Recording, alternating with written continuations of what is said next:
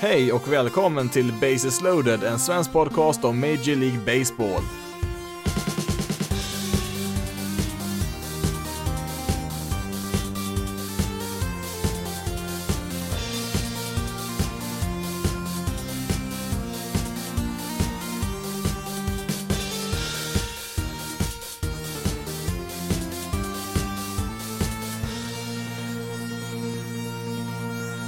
Hej och välkommen till veckans avsnitt av Bases loaded, en svensk podcast om Major League Baseball. Och i detta avsnitt så ska vi se tillbaka lite grann på vad som hände här i divisionsserierna som är nu avklarade. Faktiskt eh, börjat lite smått här även på nästa omgång här i Ja, det blir väl mästerskapsserien då, får man väl kalla det om man vill översätta det till svenska då, men ja, Championship Series är väl kanske det namnet de flesta använder det här. Det är, det är lite lättare med divisionsserien, Division Series, divisionsserie, det är i princip samma där, men eh, Eh, nu ska vi inte snöa in oss eh, för mycket på det där, utan eh, vi har fyra lag kvar som spelar om de där två platserna till årets World Series. Men som sagt, vi ska börja med att titta tillbaka lite grann först och se hur det faktiskt gick i de här, i de här divisionsserierna då, i de fyra mötena. Ja, kommer inte göra någon jätte Alltså inte någon jättedjup dykning här, utan det blir ett litet kortare sammandrag från samtliga fyra serier här och vi börjar med Dodgers Padres.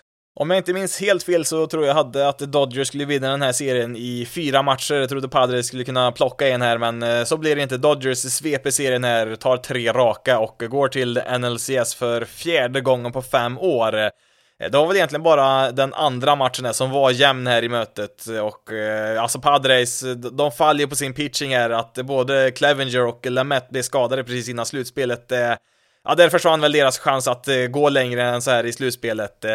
Eh, man fick ju tillbaka i och för sig då Mike Clevenger där inför match 1, lite oväntat, eh, men han, eh, han blev ju skadad direkt där, han kastade väl en inning där innan han fick gå ut och Padres använde nio pitchers i, i den där första matchen och sen så fortsatte det lite grann även i de andra matcherna. Ja, i och för sig, match två hade man väl bara, ja, bara och bara fem pitchers i den matchen, men sen i match tre så använde man elva stycken.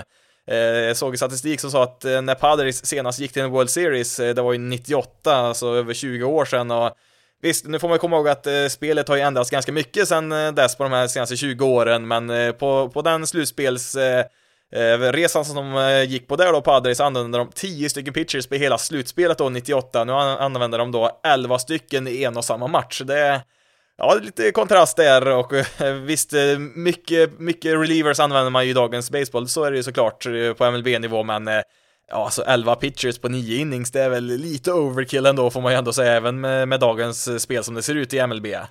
Eh, det var ju lite grann samma sak för Padres i serien där mot Cardinals där innan. Eh, det gick väl där i någon match eller två mot dem där, men det är inte hållbart att hålla på så här med sin bullpen eh, flera dagar i rad. Alltså en relief pitcher kastar väl i regel inte mer än två dagar i rad. Det finns väl vissa som klarar av tre, men det, det är ganska ovanligt. Men även om Padres hade varit helt friska här så hade ju Dodgers ändå varit en väldigt, väldigt stor favorit. Det hade inte varit något speciellt mycket skillnad i oddsen där om Eh, om de varit friska där som sagt. Och när Clevenger då gick i sönder då direkt där i, efter en inning så, ja då var det väl i princip kört där. Eh, jag tror väl Padres, hade de haft någon chans här utan Clevenger och Lamette så hade de väl behövt att vinna match 1 där. Då hade man väl kanske på något sätt kunnat störa Dodgers här, men eh, eh, nej, så blev det ju inte här och eh, såg väl också att eh, det laget som vinner första matchen i en, en serie bästa fem, då är det 71% av de lagen går vidare sen så Eh, är laget dessutom lika bra som Dodgers är så lär väl den här procenten gå upp ganska rejält också, så det, det var en ganska otacksam uppgift där som Padres fick och det, det, gick väl ungefär som man hade kunnat tänka sig inför serien här. Eh, eh om man jämför då lagens bullpens då med tanke på hur många pitchers som Padres använde så såg det ju betydligt bättre ut för Dodgers där som Eh, Eh, ja, jag ska inte säga att deras bullpen är en styrka, det kan vi inte säga. Jag tycker väl inte att lagen har någon direkt svaghet så, men eh, visst, deras bullpen är väl fortfarande lite svagare än övriga lagdelar, det är den väl, men jag tycker ändå att eh, det har varit positivt tillskott där från Blake Trinan och Brewster Gratterall där som de har fått in här under året. Sen har det väl Ja, nu har det väl hänt lite grann här redan i match 1 mot Braves där som kan vara värt att titta närmare på när det gäller deras bullpen då, men mer om det senare. Vi har ju även då Kenley Jansen där som Ja, jag vet inte riktigt vad man ska säga om honom. Han är ju inte så dominant som han har varit tidigare i karriären, men han är ju fortfarande bra, det är han ju, men eh, ja, han ställer ju till lite grann i den här eh, serien också faktiskt, kommer till alldeles strax här. Eh, Padres chans i den här serien var väl i match två där, det var ju den som var jämna som sagt, eh, och det var ju en riktigt, riktigt bra match där faktiskt mellan de här två lagen. Moves his ball to deep center field. Ballinger twisting around, still going. He's at the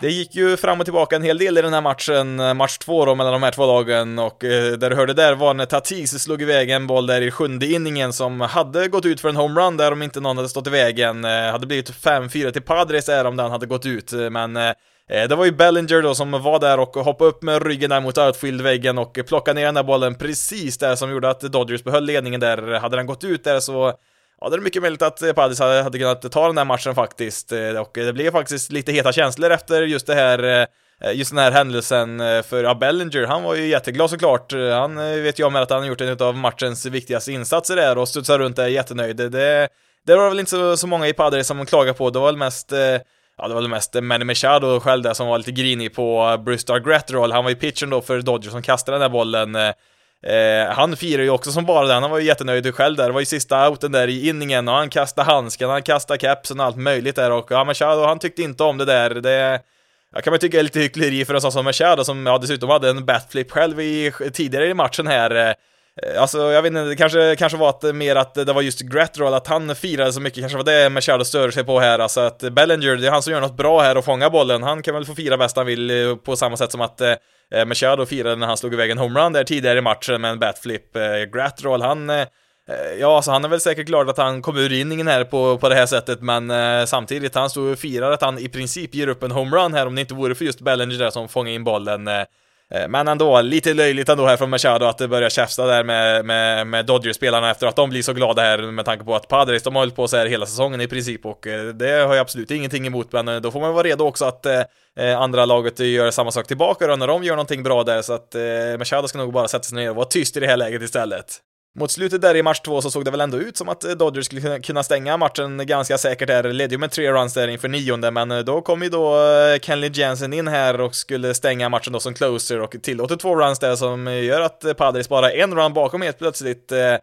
Då plockar man in Joe Kelly där istället från Dodgers då, från deras bullpen och ja, det är nära att det också går i skogen för han tillåter ju två walks där och klarar sig till slut de är bases loaded har de där Padres Eh, innan Joe Kelly lyckas lösa det där och eh, vinna match två. 49 kast behövde Dodgers eh, relievers i i den nionde inningen där för att eh, komma ur där och kan jämföra då i match 1 som Dodgers spelar sen här mot Braves då i nästa serie som pågår just nu.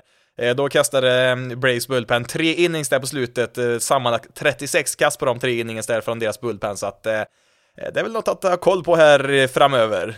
Till slut då så blir det ändå tre raka segrar här för Dodgers, vinner ju sista matchen där med 12-3. Padres pitchers är nog ganska trötta där, som sagt de använde 11 stycken där i den sista matchen. Eh, eh, värt att notera där från sista matchen, det är Will Smith, eh, Dodgers catcher. Han eh, hade ju innan den här tredje matchen mot Padres eh, ett eh, ja, ett record på 1.24, alltså en hit på 24 försök i slutspelssammanhang. 0.42 var hans batting average innan den här matchen. Det är faktiskt ett rekord, eller ja, ett rekord för sämsta prestationen i de kategorierna eh, i Dodgers slutspelshistoria och eh, då har ju ändå Dodgers varit med ett tag i slutspelssammanhang så att eh, det är ju en del spelare vi pratar om här som han ligger sist bland, men helt plötsligt där i match 3 så har han fem hits, även det är ett rekord, lite mer positivt rekord då, han första Eh, Dodgers-spelaren någonsin att slå iväg fem hits i en och samma match i slutspelssammanhang. Det är för övrigt också mer hits än vad Tatis och Machado hade sammanlagt i den här serien. De hade bara två hits vardera av de två. 4 för 23 gick de, så att eh, det måste man ju prestera bättre om man ska ha chans i den här serien också såklart. Eh, men ja, vi ser väl fram emot det här mötet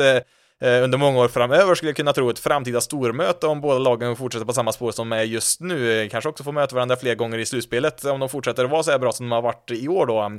Eh, Dodgers då, de har ju nu vunnit 15 av sina 17 senaste matcher då, om man går tillbaka till grundspelet, eller ja, nu är det väl 15 av 18 då, nu förlorar man ju första matchen där mot Braves då eh, i, i Championship Series där, men eh, i alla fall Dodgers Ja, de, de gör vad de ska här. De, jag ska inte säga att de imponerar jättemycket på något sätt, det gör de inte, men de gör jobbet här som sagt för att gå vidare till nästa omgång. Plötsligt händer det. Miami Marlins eh, åker ut i en slutspelserie för första gången i lagets historia och eh, det är ju Braves då som sveper de här i tre raka matcher och innebär att eh, Braves då är tillbaka i NLCS för första gången sedan 2001. Jag tror väl att jag hade Braves sagt att de skulle se på den här serien när jag tippade innan här om jag inte minns helt fel. Jag vet väl inte riktigt om jag trodde på det innerst inne, men alltså det, det är klasskillnad på Braves och Marlins, det, det såg vi i den här serien också.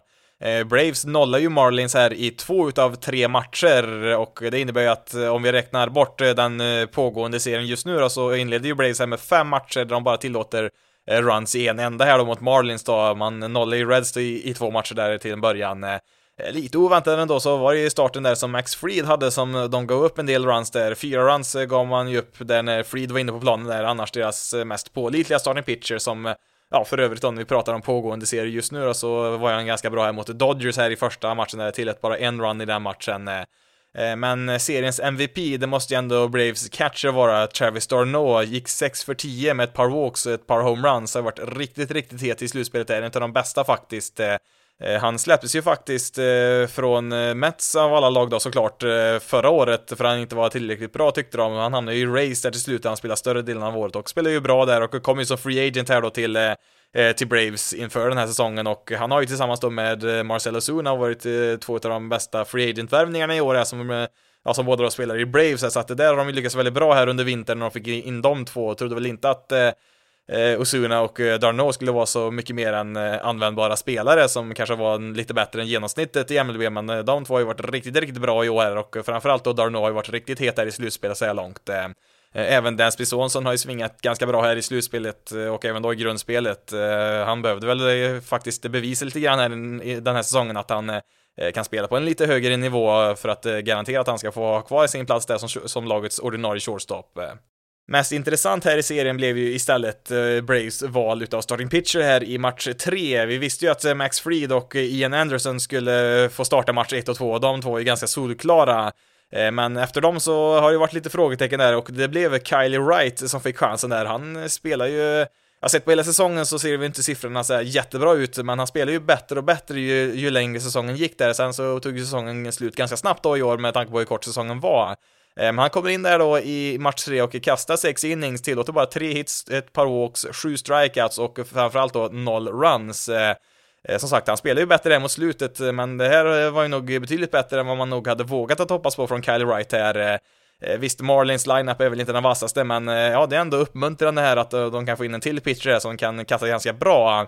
Eh, kollar vi då på Freed, Anderson och Wright här då, deras eh, topp tre där, så är faktiskt alla de helt nya i slutspelssammanhang. Eh, Freed har ju kastat en del förra året och även Kyle Wright har ju lite erfarenhet på MLB-nivå men det är första gången de kastar i slutspel nu. Ian Anderson då, han har ju faktiskt gjort sin MLB-debut i år, bara kastat sex matcher i MLB då innan det här slutspelet. Det är lite extra imponerande. Han har ju totalt 11,2 innings då på sina två matcher här, noll runs och är då som sagt rookie.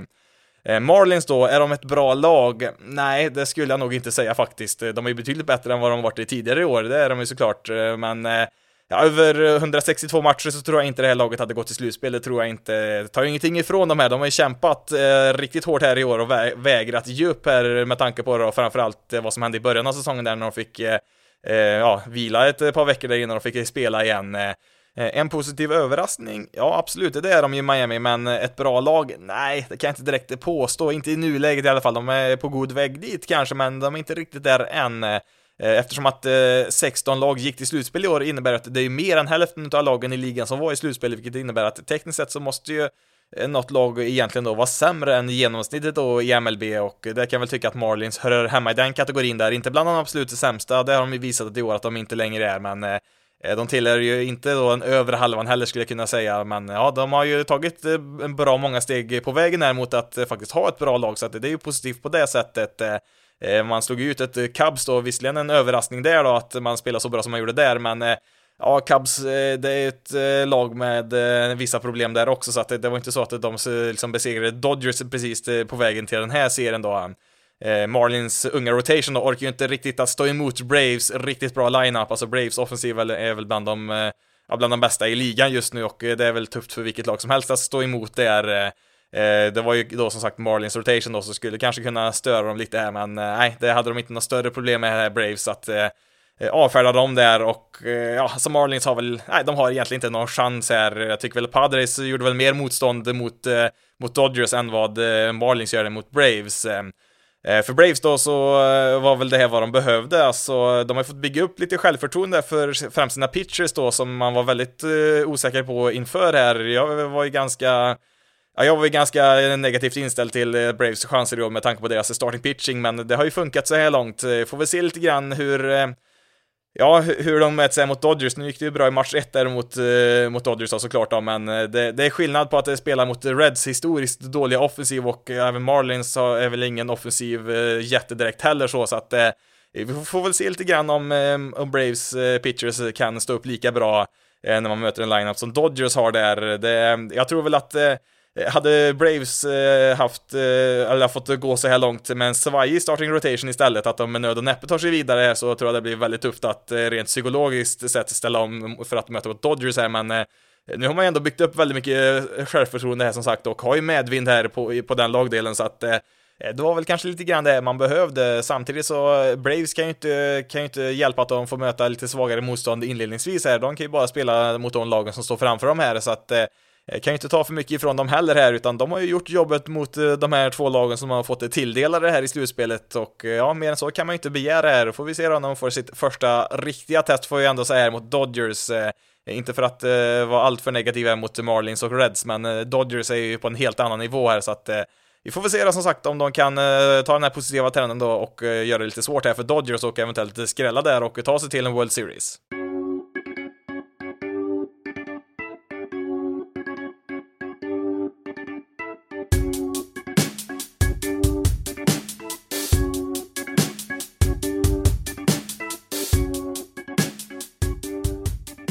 Den enda serien som egentligen var spännande, det var ju Race Yankees som gick till en femte avgörande match också och det var ju en riktigt spännande avslutning där på match fem. Eh, eh, det var ju ett par Yankees-beslut där som diskuterades ganska mycket i den här serien. Först och främst då Kali Gashioka som fick en majoritet av speltiden som catcher här för Yankees istället för Gary Sanchez. Eh, Sanchez hade bara fyra at-bats i den här serien mot Race, tre stycken utav dem slutade med en strikeout. Han var aldrig på bas i den här serien. Eh, Higashioka, han gick 4 för 13 då och lite walks där, så att eh, han, han hade ju en ganska bra serie där offensivt också. Eh, han var ju dessutom då Garrett Coles personliga catcher har han ju blivit här, Higashioka, alltså han började i september där så fick han eh, vara catcher då alla Garrett Coles starter och eh, eh det innebär att han även fick starta Coles starter här i slutspelet, men det, det räckte inte där, utan även i de andra matcherna när Cole inte spelade så var det Higashioka som fick starta där också. Eh, Gary Sanchez har ju haft, eh, ja han har ju haft perioder som har gått väldigt mycket upp och ner. Han har ju stundtals varit hur bra som helst för Yankees och samtidigt har han haft perioder där han har varit hur dålig som helst. Eh, inför i år så jobbar han ju framförallt på att förbättra sitt försvarsspel och eh, där har han väl blivit lite bättre, det har han ju blivit, men samtidigt så har hans offensiv gått spikrakt neråt, jag har haft väldigt svårt där och ja, alltså hans framtid i laget är ju hotad nu på riktigt, alltså han var ju helt klart backup i den här serien och pinch hitter liksom, han kom in där vid några tillfällen så och eh, eh Ja, som sagt, eh, han har ju fått mycket, mycket kritik, Sanchez, eh, även om han varit väldigt bra eh, långa stunder också, så att det, det är väl frågan om man fick nog här nu från Yankees sida, eller om man kommer att ge honom en chans till här även nästa år då, eller om man vill hitta en annan lösning inför framtiden, men det får vi diskutera vidare i ett annat avsnitt då, lite längre fram, när vi kollar framåt mot nästa säsong. Det andra beslutet då som eh, det blev väldigt mycket diskussioner kring, som, eh, ja, som det blev väldigt mycket kritik då riktat mot Yankees, eh, det var i match två där när man istället för att starta Tanaka där valde att ja, spela på Rays villkor egentligen, alltså stora mäktiga Yankees litar inte tillräckligt på sin rotation där och skickar in en opener där mot lilla fjuttiga Rays där som själva var pionjärerna inom, inom eh, opener-strategin då som de i princip uppfann för några år sedan där när de, ja, dels hade en del skador och inte tillräckligt med pengar då för att sätta ihop en eh, ordentlig rotation där, så de fick eh, ja, snickra ihop eh, vad de kunde med det de hade, men eh, det säger ju en hel del när Yankees då kommer med sitt eh, ja, med nästan störst payroll i hela MLB och eh, tvingas göra det istället här i slutspelet. I alla fall då så skickar man in David Garcia där som fick starten här för Yankees. Och han är ju högerhänt då och eh, tvingar ju då Rays att starta sina högerhänta slagmän då i tanken här. Eh, eh, Rays brukar ju väldigt ofta använda liksom matchups och alltså platoons då, att skicka in ja, olika spelare beroende på vilken hand motståndaren starting pitcher kastar med och sådär. Så att de de har ju inte direkt någon fast, någon fast line-up så liksom någon speciell ordning som de spelar med varenda match som en del andra lag kanske har, att de har samma spelare på samma plats hela tiden, utan de de roterar ganska friskt där beroende på vilket lag de möter och eh, det har de gjort väldigt bra alltså. Eh, de har ju inga stjärnor så, eller ja, det, det har de väl, kan man väl säga så, men det, det är inte Ja, det är ju inte så att man har en lika namnkunnig roster som Yankees har, det är många mer namn som, eh, som känns igen där kan man ju säga, men eh, alltså de ser ju till att de har rätt spelare på rätt plats vid rätt tidpunkt och det har de ju lyckats väldigt bra med i många år egentligen, inte bara i år. Eh, så att det gör att man då inte har kanske nödvändigtvis de här superstjärnorna som en del andra lag har, men de har många spelare som kan spela på en väldigt bra och hög nivå då, eftersom att de eh, sätts i en situation där de har bäst möjlighet att faktiskt lyckas och då får man ju vara lite flexibel som Race är ganska kända för att vara. I matchen här då, så ja, som sagt då, Garcia kastar första inningen där, men redan efter tre kast så är ju Jay Happ uppe där och värmde upp i deras bullpen där, Yankees bullpen och Eh, han kommer in där i andra inningen och Happ är ju då vänsterhänt då som, eh, ja, det, det meningen är ju det här då att eh, har byggt sin line-up den här matchen då för att eh, möta en eh, högerhänt pitcher också, och kommer då vänsterhänt Happ här i, i meningen då att eh, de ska få en fördel där då Yankees, men ja, det gick väl så där får vi säga, eller ja, det gick åt skogen här för att eh, redan efter tre innings så har ju Rays slagit in fem runs här i matchen så att eh, det funkar inte någonstans den där taktiken. Eh, nu blev det ganska jämnt här ändå i, i den här matchen då. 7-5 slutar den eh, främst eh, tack vare Giancarlo Stanton som gör vad han gör bäst, slå homeruns. Han hade två stycken här i matchen så att det blev ju ganska tajt där till slut. Eh, för övrigt då angående Stanton, eh, han får ju mest uppmärksamhet för alla skador han haft på sistone och eh, det har ju varit ett gäng men eh, han har ju varit riktigt, riktigt bra här i slutspelet. Eh, långt ifrån hans fel att Yankees åker ut här i slutspelet, han har varit en av deras bättre spelare i, i oktober här. Eh, förtjänar ju lite mer uppmärksamhet tycker jag för vad han gjort på planen här nu när han faktiskt varit frisk, så att jag vill lyfta hans namn här. Eh, Serien går ju då som sagt till en femte avgörande match här och det är en riktigt vass sista match här. Garrett Cole får starten här. För första gången i karriären kommer han starta på kort vila, alltså bara tre dagar efter starten här i match 1 och han eh, han kastar 5,1 innings, tillåter bara en enda hit. Tyvärr så går ju den för en homerun då, men eh, en run på 5,1 innings på kort vila, så mycket mer än så kan man ju inte begära, utan Cole gör helt klart, eh, han gör sitt jobb här och ger ju Yankees chansen att vinna matchen. Eh, Race då, de ställde upp med Tyler Glasnow som faktiskt har en dag kortare vila. Han kom ut då redan i tredje inningen då, det är inte så oväntat då med tanke på hur kort han har vilat där då. Eh, efter honom då så, ja, då går man in i sin bullpen här race och till skillnad från Padre så kör man ju på mer kvalitet över kvantitet här. Eh, använder faktiskt bara tre stycken relief pitchers efter Glasnow där som ändå kommer ut i tredje inningen. Eh, de tre kastar ju alla de två innings vardera där, någon kastar väl någon out extra där.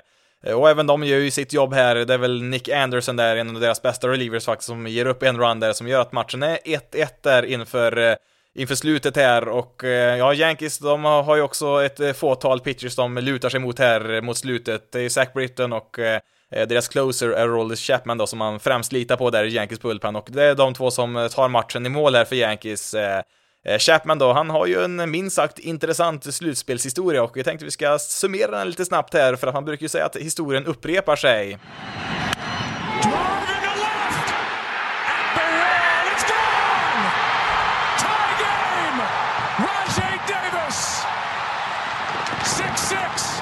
Chapman har ju tillåtit tre stycken homeruns eh, under sin slutspelshistoria och eh, den första han tillät, eh, det hörde du där i ljudklippet från 2016 i det årets World Series när han kastade för Cubs mot Indians där. Cubs ledde ju där i åttonde inningen med 6-4 där när han skulle kasta mot Rashai Davis som slog iväg en eh, tvåruns homerun där som kvitterade matchen. Nu lyckades ju Cubs som bekant reda ut det där i extra innings i slutet då, men eh, Chapman var inte direkt hjälten där i den matchen.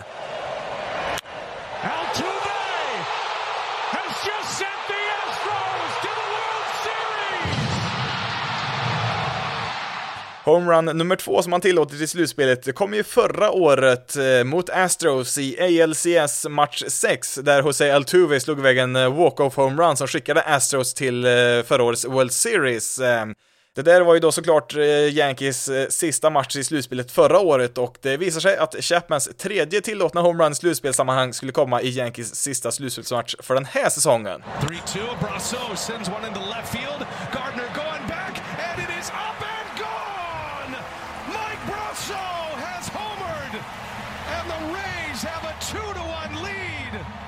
Nu när jag har spelat upp i Chapmans förmodligen tre sämsta slutspelsminnen här så vill jag väl också påpeka att eh, hans siffror totalt sett i slutspelet är fantastiskt bra de också. Alltså han är Kollar vi på de senaste tio åren så är Chapman kanske den bästa, ja, Craig Kimbrell är väl nog eh, snäppet vassare rent statistiskt sett då de senaste tio åren som relief pitcher, men eh, Alltså Chapman är bra i grundspelet, han är bra i slutspelet också, men man kan ju inte ignorera att han har tillåtit ja, tre stycken, ja inte helt avgörande, två stycken helt avgörande homeruns får vi säga. Den mot, eh, mot Indians där när han spelade i Cubs, den eh, kom man ju tillbaka ifrån där, men eh, jag måste ju ändå börja fundera lite grann om det sitter något där i skallen på Chapman som gör att det blir så här för en tredje gång.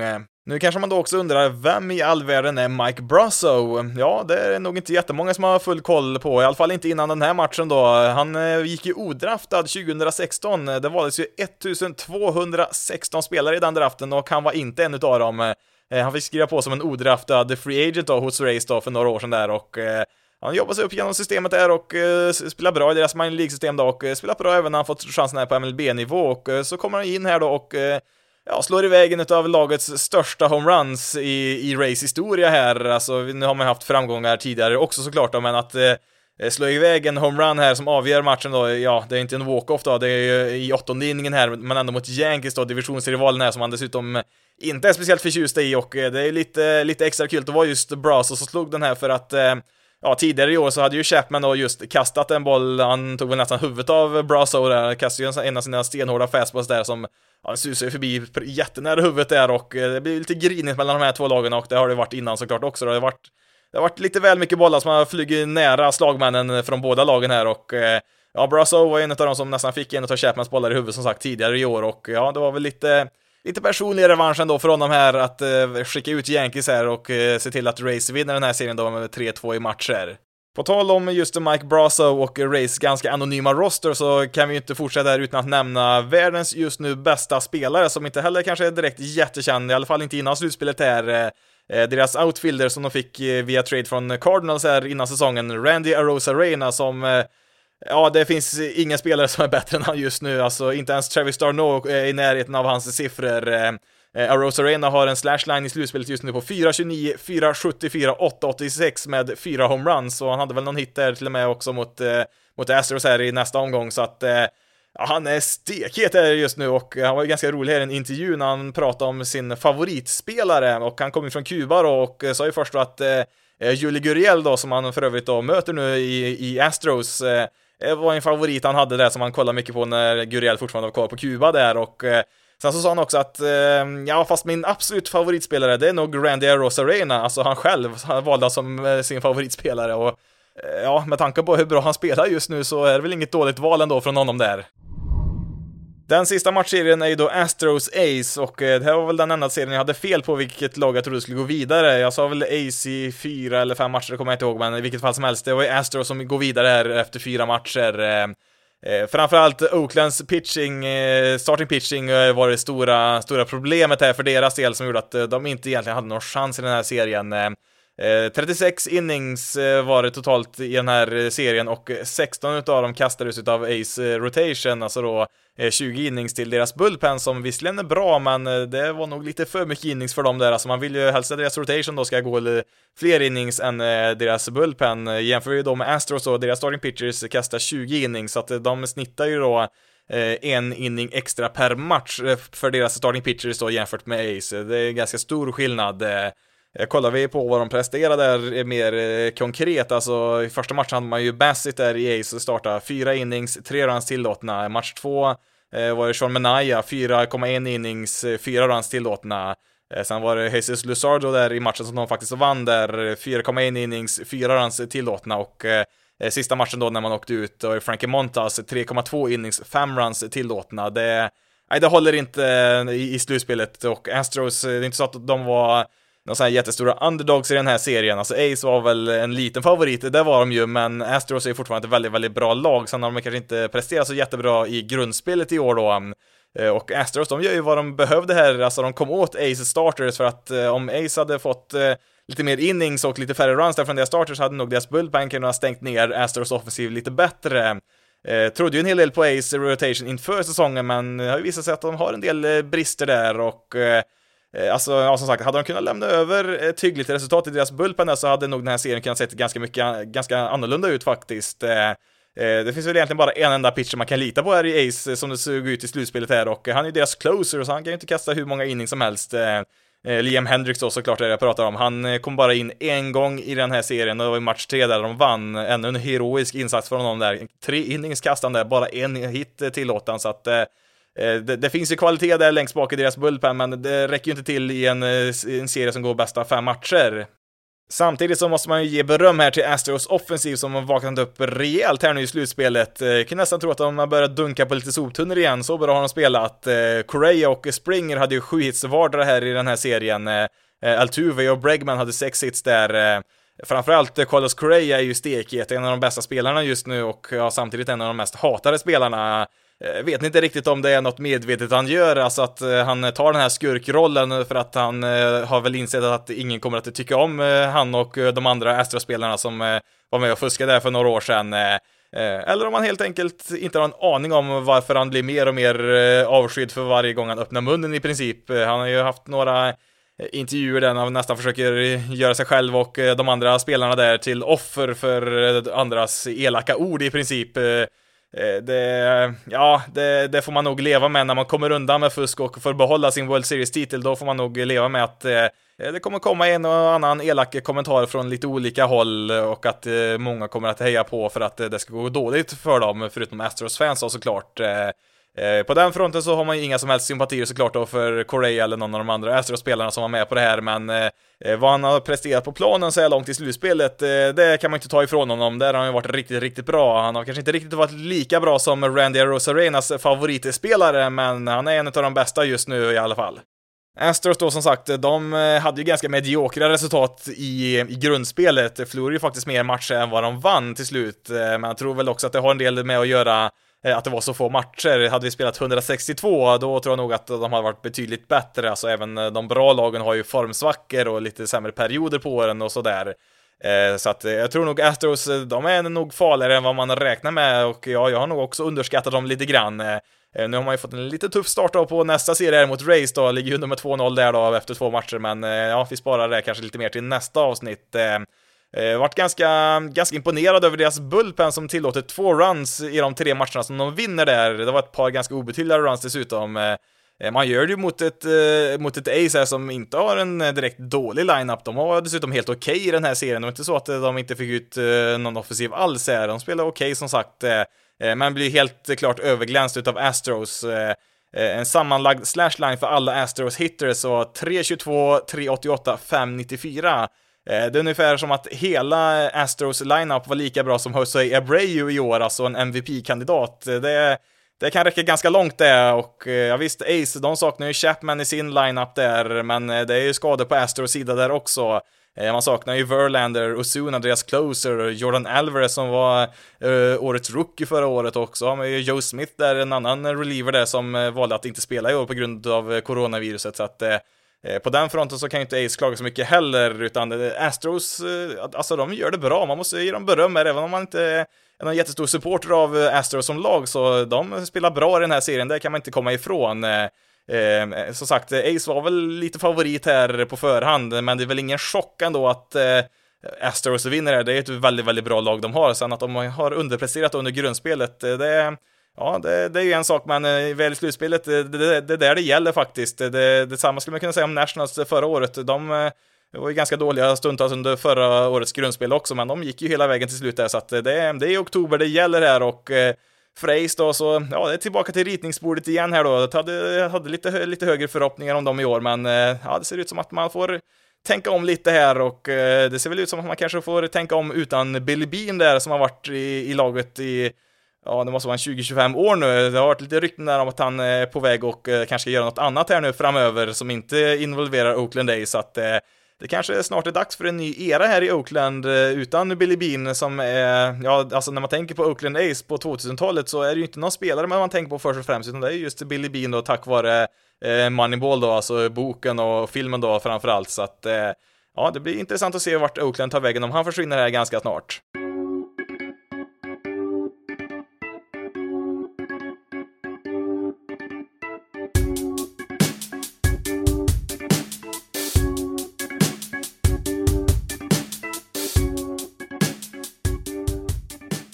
Eh, lite snabbt här då innan vi avslutar ska vi kolla på Championship Series här då som eh, har börjat spelas här nu lite grann. Eh, det är alltså då först och främst ett möte mellan Astros och Rays då. De har ju spelat två matcher nu har de gjort och Rays har ju vunnit båda här när jag spelar in. Det har varit två ganska täta matcher, 2-1 och 4-2 har de matcherna slutat, så att det är inte så att Rays har dominerat, det har de inte. Jag tror väl att när jag la ut i omröstning här på Facebook och Twitter, som ni kanske har röstat i några av er, jag tror jag satt att jag trodde på race i sex matcher i den här serien och eh, ja, det kan ju fortfarande bli så. Nu har de ju ett ganska stort försprång här, 2-0, det Ja, det blir tufft för Astros, men jag tror absolut de kan eh, komma och vinna några matcher här. Jag skulle bli ganska förvånad om Race skulle vinna fyra i rad. Det har jag svårt att se, men eh, i alla fall då så, de här möttes ju i slutspelet förra året i divisionsserien där, då vann ju Astros i en femte avgörande match där till slut. Det kändes väl som att Astros var storleken större där det året och nu känns de väl betydligt mer jämna, eller jag skulle nästan säga att eh, Race har tagit ett litet kliv förbi ändå. Får vi se om Astros slutspelsform kan hålla i sig här nu. De har inte fått till så mycket runs här nu som de fick eh, mot Ace, de har ju bara fått till tre runs eh, på två matcher. Det är inte så jättebra såklart då, men Eh, det är lite annan pitching man möter nu också. Eh, Ace, eh, ja deras starting rotation som sagt, de underpresterar ju ja, egentligen hela säsongen får man väl ändå säga. Samtidigt race då, är det någonting som de kan så är det just pitching i alla dess former. Det spelar ingen roll hur de lägger upp sin taktik, de verkar ha pitchers för alla möjliga scenarion så att det blir en tuff uppgift där att komma ikapp, men samtidigt så tror jag att är det någon line-up här i det här mötet som kan explodera och dunka in massa runs i flera matcher så är det väl Astro som har större potential till det. Det är väl inte riktigt race eh, det är inte riktigt deras stil får man väl säga. Sen har väl de också möjligheten att eh, få in en del runs, det har de väl gjort det tidigare också, men eh, jag tror väl att Astros eh, har väl ett högre tak, sen om, om de når dit, det, det är ju inte lika klart. Samtidigt så kollar man på båda lagens rotation så jag skulle kunna se ett argument för att eh, Astros kanske är lite bättre än Race. Alltså, Race har väl bättre spets, alltså de har ju trion där med Snell, Glasnow och Morton. Där är, där är de ju bättre, men eh, Astros har ju fått fram ett eh, par riktigt bra starting pitchers i år, framförallt eh, Frambo Valdez har ju varit riktigt, riktigt bra i år och man har ju fått tillbaka Jose Urquidy som var borta början av säsongen och man har även, ja, Zach Greinke vet jag inte riktigt vad han har kvar att ge, Lance McCullers är inte så illa han heller, så att kollar man på bredden så, ja, då kanske det kan vara en liten fördel Astros där, även om man eh, utgår ifrån att Race pitching ska vara bättre. I deras bullpens, eh, ja, där är det helt klart en fördel Race, där har de ju Ja, de har ju ett monster efter det andra där och eh, de kan ju kasta mer än en inning åt gången också. Det är inte så att de behöver göra den här eh, Padre-strategin och skicka ut eh, en ny pitcher för varje out man ska få nästan. Riktigt så illa ska det inte behöva vara för Race här som har betydligt Alltså, de har ju både spetsen och bredden i sin eh, bullpen. De har ju några riktigt vassa där, framförallt då Nicky Anderson och eh, Castillo där är ju riktigt bra. Sen har de ju en 6-7 stycken till där som eh, nästan vilket annat lag som helst skulle kunna skicka in där i sent i en match om de hade spelat i andra lag. Så eh, ja, i alla fall, jag, jag tror ju fortfarande på race i den här serien. Det är lätt att säga nu när de leder med 2-0 här. Kommer inte summera så mycket ut, utav vad som har hänt än så länge, utan det sparar vi väl till nästa vecka istället. Eh, samtidigt har Astros, eh, jag tror absolut de skulle kunna ha en chans att vända det här, även om det blir väldigt, väldigt tufft. Eh, det skulle Ja, jag skulle inte vilja behöva lyssna på Carlos Correa om de skulle vända det här underläget. Då skulle han ju bli riktigt, riktigt odräglig som om man inte vore redan nu då, men Ja, i alla fall, vi får hålla fast vid att Astros säkert kommer vinna ett par matcher, så att vi säger fortfarande att Race vinner den här serien i sex matcher, får vara mitt tips. Dodgers Braves eh, har ju då spelats i en match och eh, det var ju Braves som vann match 1 här eh, och de vann med 5-1 där. Ska inte gå in på djupet här i hur det gick i matcherna här utan det sparar vi som sagt till nästa veckas avsnitt när vi summerar hur det gick i serierna. Men i alla fall, det, det var ju jämnare än, än vad resultatet visade. 5-1 vann ju Braves med där, men det var ju 1-1 fram till nionde inningen där, där Eh, Braves stod in fyra runs där mot eh, Dodgers Bullpen som, ja, som sagt får hålla ett öga där i år igen. Jag, jag tyckte väl ändå att eh, de har en bättre situation där i år då, jämfört med tidigare säsonger, men ja, det finns väl en del att oroa sig för där också, framförallt då när match 1 går så här då, som det gjorde. Eh, men i alla fall då, jag hade ju då Dodgers som mitt tips är att de skulle vinna i fem matcher. Det vet jag väl inte riktigt om det kommer hålla, det kommer nog bli lite jämnare än så kanske. Eh, kan ju inte dra för mycket slutsatser kring bara en match såklart då, utan eh, jag tror vi också får avvakta lite grann hur det ser ut med eh, Braves starting rotation. Jag är fortfarande inte helt såld på den, även om de har varit fantastiska så här långt. Eh, det är annat motstånd de möter nu. Eh, Max Fried var ju såklart bra här i match 1 mot Dodgers då, men får vi se om rookien Anderson då kan få till en tredje raka slutspelsstart med bra resultat och sen får vi se då med Kyle Wright om det var en tillfällighet eller inte att han lyckades bra där i sin slutspelsdebut. Eh, det är ju liksom annat motstånd de får här nu. Det är inte Reds eh, eller Marlins lineup, utan det är liksom det är Mookie Betts, Corey Seager, det är Turner, Muncy, Will Smith, eh, Cody Bellinger. Han slog på sjätte plats i Dodgers lineup här i match 1. Det, det är ju regerande MVP'n de har där. Visst, nu har inte han varit lika bra i år då, men, men ändå. Det, det är klasskillnad här och sen är det dessutom, dessutom då frågan vilken pitcher väljer Braves i match 4? Vi har inte sett eh, en fjärde starting pitcher för Braves än och eh, det blir ju bara tunnare och tunnare ju längre den här serien går. Eh, inte för att Dodgers är helt klockrena där själva. Clayton Kershaw blir ju skadad här nu, kommer ju rapport här under tisdagskvällen här att han kommer inte kunna starta match 2. Nu var det väl något i ryggen där som bara skjuter fram hans start till match 3 eller 4 tror man väl, men det Eh, det, det, påverkar ju vad som händer senare i serien också. Den som startar match 1, eh, det var ju Walker Bueller i det här fallet då för Dodgers, eh, kan ju då starta match 6 på full vila och den som startar match 2 kan på full vila starta match 7. Det hade ju varit Kershaw då egentligen då om han har fått starta som det var planerat här nu i match 2 då, men det kommer inte att gå nu, så då är frågan om, om, om matchserien då går till en match 6-7 där någonstans. Ja, kan Kershaw kasta i någon av de matcherna på kort vila? Ja, det för, med tanke på att han då eh, har lite ont i ryggen här så är inte det så klart och eh, ja, nu har ju Kershaw ett eh, lite blandat resultat får vi ju säga i slutspelssammanhang. Det har ju varit en del väldigt bra matcher blandat med en del mindre bra matcher såklart. Eh, eh, men trots det så skulle jag nog gärna vilja ha Kershaw tillgänglig där i en match om det skulle gå så långt med full vila. Eh, samma sak gäller ju för Braves här nu. Hur kommer de att göra med till, exempel då Max Fried då som startar match 1 där? Kommer han Kommer de vänta med honom till eh, match 6 där när han är fullt utvilad eller kommer de vara tvungna att slänga in honom direkt eh, i match 5 där om de skulle riskera att elimineras där? Det, Ja, det blir en intressant fråga att se där om eh, serien håller på ett tag här hur man gör för att eh, framförallt Braves rotation blir ju svagare ju längre man går här och eh, ja, det gäller ju såklart alla rotations blir ju svagare ju längre man går men Dodgers har väl lite mer bredd, alltså de har ju mer beprövade pitchers här som man har lite mer tilltro till. Sen så kan ju vad som helst hända såklart. Samtidigt då får vi inte glömma bort att Braves har en minst lika bra lineup som Dodgers har rent offensivt.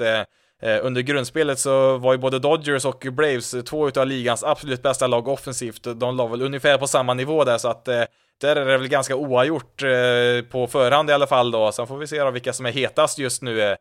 På tal om Braves lineup så såg jag att Pablo Sandoval fick hoppa in som pinch hitter för Braves i första matchen mot Dodgers där. Såg att de skrev på ett minor League-kontrakt med honom här för ett tag sedan, men hade väl inte direkt väntat mig att han skulle få en plats på deras slutspelsroster, men ja, han hänger kvar där och fick hoppa in där i, i match 1 där. Får vi se om vi får se någon, eh, någon mer framträdande från honom där. Det lär väl inte vara han, tror jag, som eh, eh, lyfter Braves till en seger i den här serien då. Det, det finns nog lite andra som kommer göra, men ja, vad kul att få se ett framträdande från honom där i alla fall.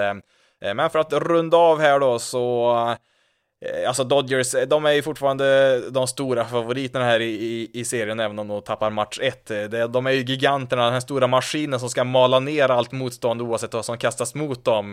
De har ju varit så nära flera gånger och nu har man då dessutom lagt till Mookie Betts här, så att det är World Series-vinst eller inget alls som gäller för Dodgers. Allt annat utom en vinst, ett, ja, inte ett fiasko kanske jag inte ska säga, men ett misslyckande. Eh, man har varit så nära nu så att eh, nu finns det ingenting annat man kan göra här än att eh, vinna en World Series-titel. Och, alltså visst, nu tror jag säkert Dodgers kommer vara en av favoriterna i flera år framöver här också, men man måste ju få till det någon gång här. Alltså det, det finns ju risk att det kanske sätter sig i huvudet att det går inte det här om man liksom inte, om man inte tar sig hela vägen. Det är ju bara att kolla på just Braves då, som de spelar mot det här. Eh, de hade ju många år där, ja, i stort sett hela 90-talet och början av 2000-talet eh, när de var dominanta men bara vann en enda titel. Ja, visst, det var en titel de vann i alla fall, men eh, på det stora hela så måste det varit lite av en besvikelse där för Blaze att bara ta en titel på en sån dominant period som de hade där och om vi säger då att Dodgers skulle vinna en titel då på deras dominanta period som de är inne i just nu då, som har pågått i flera år och säkert kommer göra flera år framöver också. Skulle de ta sig därifrån med en titel, visst, eh, de skulle säkert vara glada att fira den, men eh, det skulle ändå vara ett misslyckande med så bra lag som de faktiskt har byggt i så många år. Eh, samtidigt så visar det också vad svårt det faktiskt är att gå hela vägen. När man väl kommer in i oktober, då är det lite andra förutsättningar och det är lite tillfälligheter också som kan avgöra det räcker med att ett lite sämre lag helt plötsligt kommer in i en formtopp där och kör över allt motstånd de ser. Så kan det ju vara ibland. Det är inte Nej, det är inte alltid helt rättvist eh, faktiskt i slutspelet när det är så få matcher som det avgörs på. Då kan det som sagt vara en del tillfälligheter som eh, gör att ett lag eh, är mer framgångsrikt än ett annat, även om det på pappret borde gå åt andra hållet. Så är det bara, det är bara att acceptera, men när man har byggt ett så bra lag som Dodgers har gjort så, nej, då finns det inga ursäkter. Det, det, det återstår väl att se om det är just i år då man kan eh, bryta den här förbannelsen som man har. Det är ju en 30 år sedan, eh, lite mer till och med, sedan man vann senast. 88 var ju senaste titeln. Eh, får väl se här då först och främst om de kan ta sig förbi Braves här då med Freeman, Acuna och company här, eller om det blir ett tidigt uttåg i år igen. Då får det räcka här för veckans avsnitt. Jag kommer som sagt tillbaka eh, tidigt nästa vecka där när den här pågående slutspelsomgången är slut där och inför eh, årets World Series. Jag tror väl att det är på lördag och söndag som en match 7 spelas om serierna skulle gå så långt. American League spelar där sista matchen på, på lördag och National League på söndag men det är ju då om serierna går hela vägen till Eh, Eh, till en sjunde avgörande match. Eh, årets World Series då börjar ju nästa vecka då, på tisdag är det, så att om en vecka då så eh, inleder vi årets sista MLB-matcher. Du kan följa Basis Loaded på Twitter, Facebook och Instagram. Då letar du upp Basisloaded SE. Du kan även mejla till basisloaded.se gmail.com. Men nu har jag pratat tillräckligt för idag. Mitt namn är Jonathan Fabri. Tack så jättemycket för att du har lyssnat på detta avsnitt av Basis loaded. Ni får ha det så bra där ute, så hörs vi i nästa veckas avsnitt.